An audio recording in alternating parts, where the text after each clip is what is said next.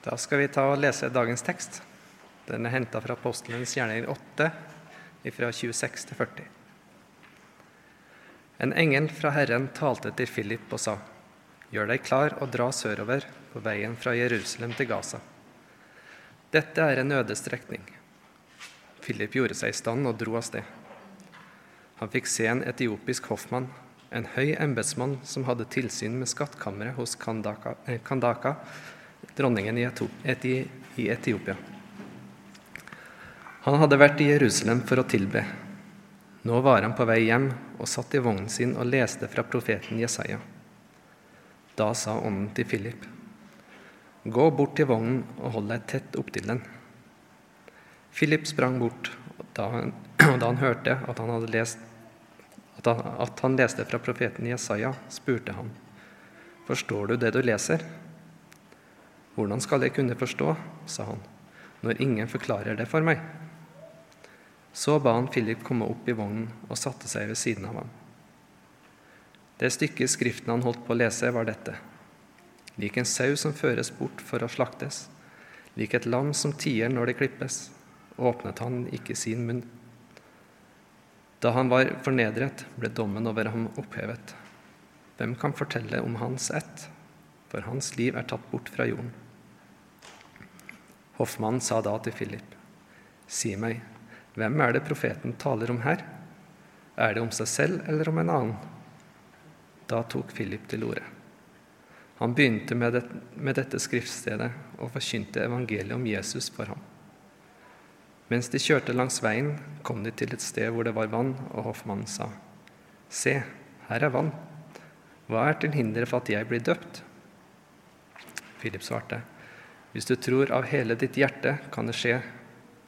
Da sa han, Jeg tror at Jesus Kristus er Guds sønn. Så lot han vognen stanse, og de steg ned i vannet, både Philip og hoffmannen, og Philip døpte ham.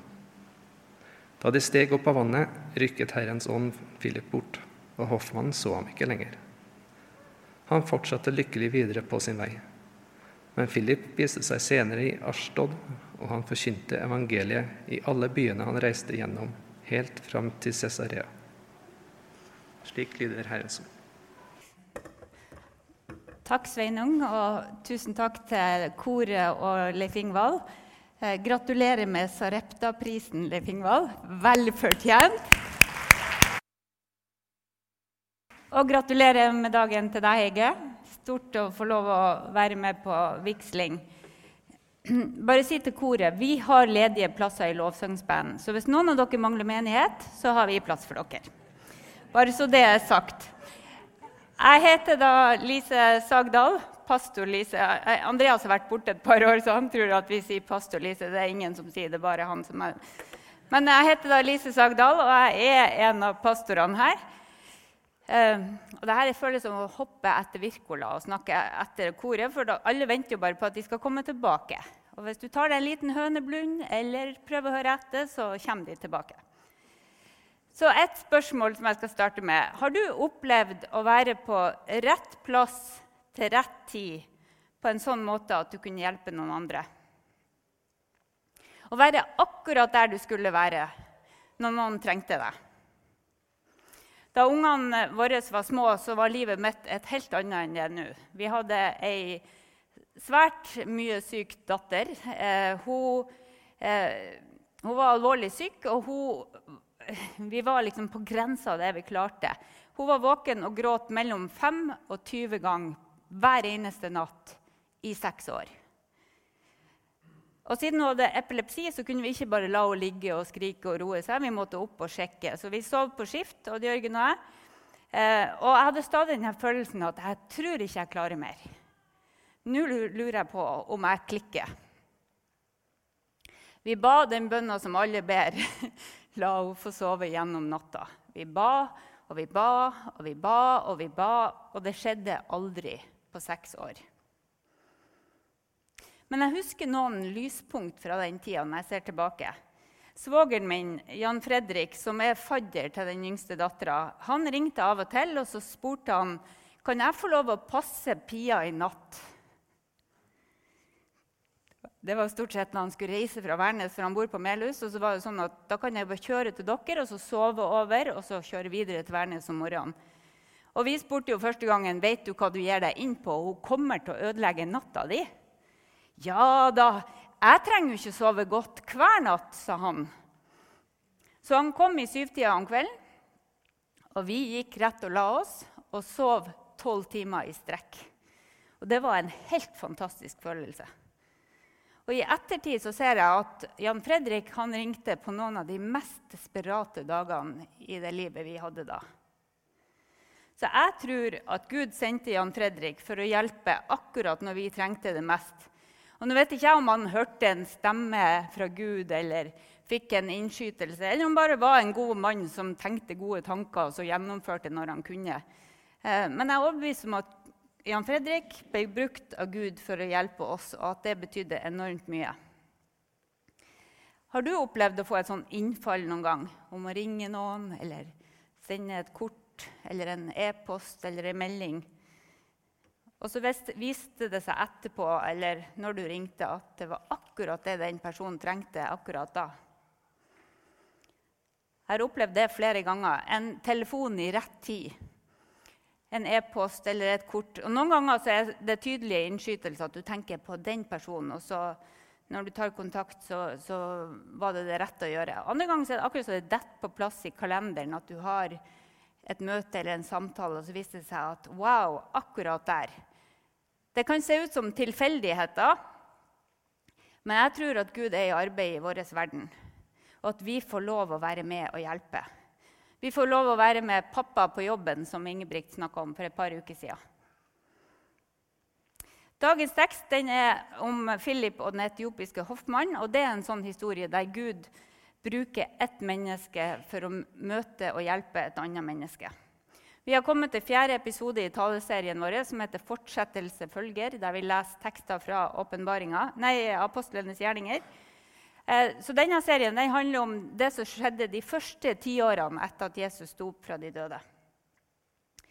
Historien vår i dag den har to hovedpersoner. og Siden vi i Trondheim frikirke alltid liker å lære litt om bakgrunnen, så skal dere få noen fakta her. Ikke veldig mange, ikke så mye som jeg bruker å levere. Jeg har forenkla det her veldig til, for å gjøre plass til koret. Men litt fakta om Philip må dere ha med dere. Ting som dere kanskje ikke visste. Eh, det første er at Philip var en av de første diakonene som ble valgt til å hjelpe apostlene. Eh, dere husker kanskje Stefanus, han som ble steina. Alle har lært om han på søndagsskolen. Han ble drept i forrige kapittel. Det er også brøt ut forfølgelse, sånn at alle har rømt til Jerusalem. Eh, alle unntatt apostlene.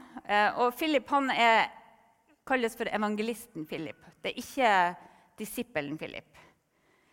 Det står at han ble kjendis med tegn og under og undervisning. Det var jo før sosiale medier, men han var virkelig en som trakk folkemengder. Det står at han overgikk trollmannen Simon, som er en interessant historie i seg sjøl når dere kommer dit. Eh, men Philip var en god taler. Det står at alle fulgte oppmerksomt med. Så nå sjekker jeg om jeg er god taler i dag. Eh, så har vi denne historien her om den etiopiske hoffmannen som jeg kommer tilbake til. Og Så blir det stille i 20 år om Philip. Og Alle lurer jo på hva han gjorde da, men 20 år etterpå så dukker han opp i en tekst, og da står det at han bor i Cesarea, som er oppe i nordvest, med fire ugifte døtre som hadde profetisk gave. Og For dere som er nysgjerrig på det med profetisk gave, så er det nesten som om de kunne være pastor. bare så dere vet Det Det underkommuniseres en del. Eh, hvem var den etiopiske hoffmannen? Han er jo kjempeinteressant. For han er en høy embetsmann som hadde tilsyn med skattkammeret hos Kandake, som var dronninga i Etiopia. Altså, Dette er ikke dagens Etiopia, dette er litt lenger nord. Det var i Nubia, som er sørlige Egypt og Sudan i dag. Han var en høy embetsmann, og det betyr at han var vel ansett. Han hadde tillit, og han var sannsynligvis rik. Og så var han hedning. Det vil si, man hadde jo bare to typer folk. Det var hedning og jøder. Han var ikke jøde, han var hedning. Han var trolig mørk i huden, antagelig mørkere enn Philip, som var jøde. Og så var han evnukk. Han var kastrert. Og Det betydde at han kunne ikke få barn. Jeg skal ikke utdype det her, siden det går ut på podkast, men hvis du ikke vet hva en evnukk er, så kan du spørre mamma og pappa etterpå. Ikke gå på Google. Um, jeg skal vise dere et kart hvor dette fant sted. La noen flire fra seg. Um, Philip var et sted i Samaria når denne historien starta. Og så fikk han beskjed eh, fra en engel om å gjøre seg klar, og så skulle han gå sørover på veien Jerusalem, fra Jerusalem til Gaza. Så Her ser vi Samaria merka med rød ring, og så har du Jerusalem med blå. Imellom de to byene er det ca. syv mil, like langt som fra Lundamo til Værnes. Cirka. Og den blå veien der, det er veien fra Jerusalem til Gaza. Som Philip fikk beskjed om å gå til. Så vi vet ikke helt hvor han starta, så det kunne vært en ganske lang tur allerede. Men denne turen fra Jerusalem til Gaza den var ei veldig øde strekning gjennom ørkenen. Så står det at Philip gjorde seg i stand og dro av sted. Og kanskje så det sånn ut. Noen bibeloversettelser sier at dette var midt på dagen. Så det var kanskje 30-40, kanskje oppi 50 grader i sola. Og ingen skygge hvis du skulle gå. Det var et karrig landskap. Og jeg har vært i ørkenen i, i um, Sahara, for mannen min ville ikke dra til noen annen plass enn noen eksotiske plasser på bryllupsreise, så vi havna i Tunisia. Um, der lærte jeg at ørken definitivt ikke er et sted å oppholde seg midt på dagen. Ja, Ikke på natta heller, for det var 40 grader i den hytta vi overnatta i. Uh, men Philip han er altså i denne ørkenen. Uh, han aner ikke hva som skal skje. Han vet bare at han skulle gå dit. Så Han vet ikke hvorfor. Han vet ikke hvorfor han er akkurat der akkurat nå. Men så får han se en etiopisk hoffmann som hadde vært i Jerusalem for å tilbe. Og Her er et bilde av hvordan den karavanen til den etiopiske hoffmannen kanskje så ut. Det er Mange som tegner det som bare ei vogn, og sånn, men sånne folk reiste ikke alene. Det var mye som skulle være med, mye mat og alt det der. Så hvis du passa pengebingen til dronninga, så reiste du antagelig i en litt lengre karavane. Og så står det da i, fra vers 28 i teksten vår eh, Nå var han på vei hjem fra Jerusalem og satt i vogna si og leste fra profeten Jesaja. Da sa ånden til Philip, gå bort til vogna og hold deg tett opptil den. Philip sprang bort, han han da han hørte at han leste fra profeten Jesaja, så spurte han, 'Forstår du det du leser?' 'Hvordan skal jeg kunne forstå', sa han, 'når ingen forklarer det for meg?' Så ba han Philip komme opp i vogna, og han satte seg ved siden av ham. Kanskje det så sånn ut. Det vet vi jo ikke, men det gir en liten idé. Hoffmann hadde med seg en skriftrull. Dette var jo lenge før Bibelen kom i bokform. så de hadde de store skriftruller som kosta masse penger. Eh, og de var ikke for hvem som helst. Så antagelig så hadde Hoffmann kjøpt den i Jerusalem. Så Hoffmann han forteller til Philip hva han leser, og så spør han hva det betyr. Og I vers 35 så står det Da tok Philip til orde. Han begynte med dette skriftstedet og forkynte evangeliet om Jesus for ham. Han begynte med dette skriftstedet, og så forkynte han evangeliet for Jesus. Om Jesus.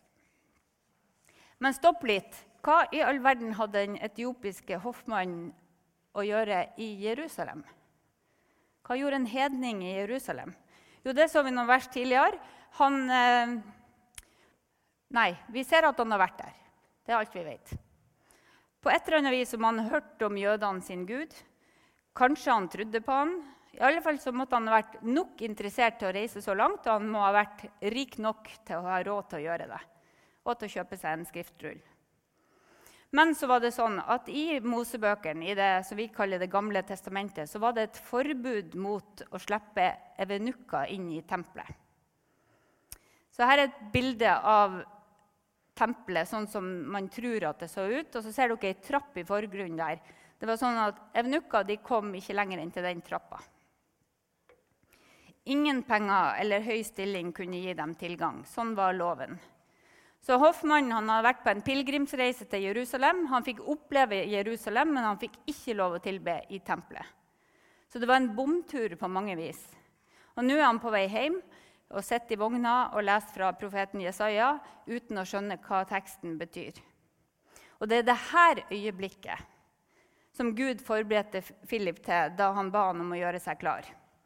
Gud sender Philip for å forklare teksten for en hoffmann.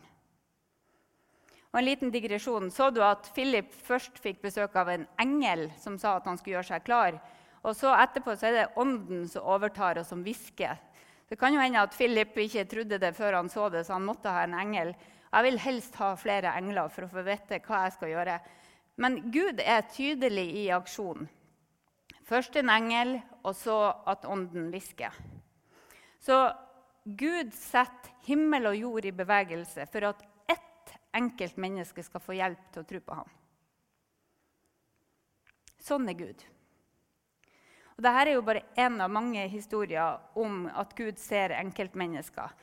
Gud er i arbeid i vår verden, og han bruker mennesker til å nå mennesker med de gode nyhetene om Jesus.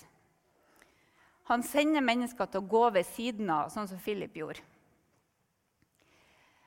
Og Hvis jeg tenker etter, så kan jeg komme på en 10-15 navn på folk som har gått ved siden av meg, som har veileda, bekrefta, undervist, og trøsta og oppmuntra meg opp gjennom. Og Bibelgruppa mi, som jeg har gått i 19 år, det har betydd masse å ha noen som går ved siden av.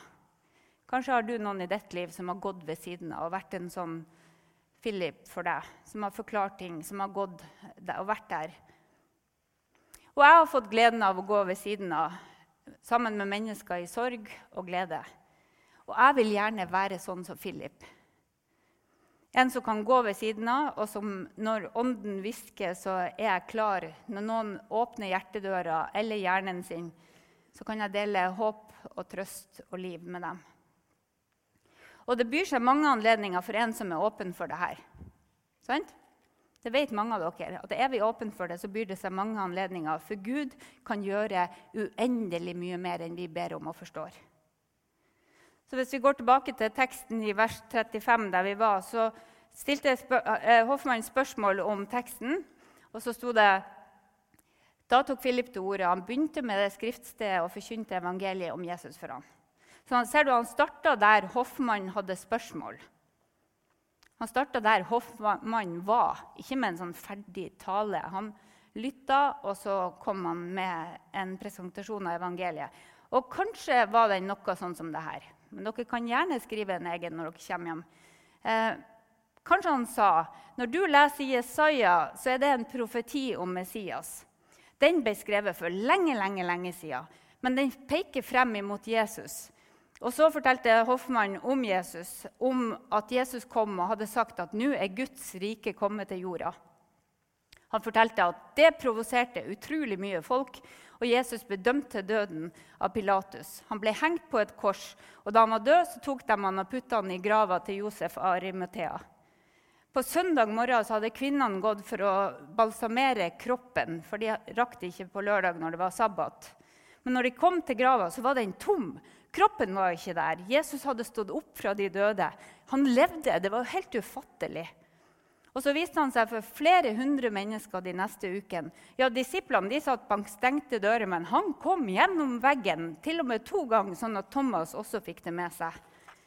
Philip kunne fortelle om øyenvitnene i Jerusalem. Han kunne fortelle om de han sjøl hadde snakka med, som hadde sett det her for noen få uker siden. Han kunne fortelle om pinsedagen, når det kom ildtunger på hodet, og folk begynte å snakke i alle slags tungemål, og 3000 mennesker tok imot Jesus. For noen uker siden. Han fortalte at alle som vil, kan få ta imot Jesus og bli døpt. For så høyt har Gud elska verden at han sendte sin eneste sønn for at hver den som tror på ham, ikke skal gå fortapt, men få evig liv. Det er det her det handler om. Det her er evangeliet. Kanskje det tok noen minutter Kanskje det tok en time. Men Philip fortalte om det største som hadde hendt i hans liv så langt. Og jeg tror at ansiktet til Philip gløda ikke bare av varme og svette, men av glede. For tenk å få gå der Gud leder. Tenk å få dele gode nyheter om Jesu oppstandelse og frelse. Og Historien forteller videre at eh, de kommer til vann, og Hoffmann spør om å bli døpt. og Philip døper ham. Og så står det i vers 39 at Hoffmann dro lykkelig hjem. Jeg skal ikke gå inn på det at Philip ble liksom tatt ut av lufta og forsvant til et annet sted, og sånn, men det kan dere også lese om. Eh, men denne Hoffmannen som nå har hørt evangeliet for første gang, han har blitt døpt, han drar lykkelig hjem. Nå kan han glemme ydmykelsen ved den stengte tempelporten. Veien er åpen helt inn til Gud. Evangeliet, de gode nyhetene om Jesus, gjelder alle mennesker også for deg og meg. Det gjelder for rike, høytstående embetsmenn som er evnukker. Og det er for dem som er på vei hjem etter det de trodde var det største de skulle oppleve i livet. Det gjelder for dem som er skuffa, og det gjelder for dem som leter etter svar på livets store spørsmål. Det gjelder for dem som er utafor, og for dem som har alt det dette livet kan by på. Og husk at denne Hoffmannen hadde jo både rikdom og innflytelse, så det var ikke det at han liksom mangla alt.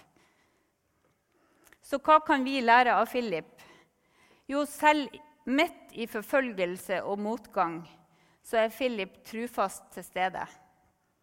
Det er et begrep vi har snakka om før. Han var trufast til stede, og han er villig til å gå der Gud leder. Så han er villig til å gjøre disse tingene, så det blir en lite sammendrag. Han er villig til å lytte til Gud, til å gå dit han leder, til å se etter mennesker, til å gå ved siden av dem, vente på en invitasjon og være klar til å dele liv og tro og Jesus. Også når det brenner under føttene og svetten renner. Og vi er invitert til å være trufast til stede, villig til å tjene. Også når du venter og ikke aner hvor lang tid det oppdraget du har fått, tar. Også når den du ser, har en annen nasjonalitet, en annen rase, religion, sosial klasse, samlivsform eller livssituasjon enn det du har. Vi er invitert til å være trufast til stede også når vi føler at trua vår er så bitte lita at vi må komme i kirka for å låne av de andre.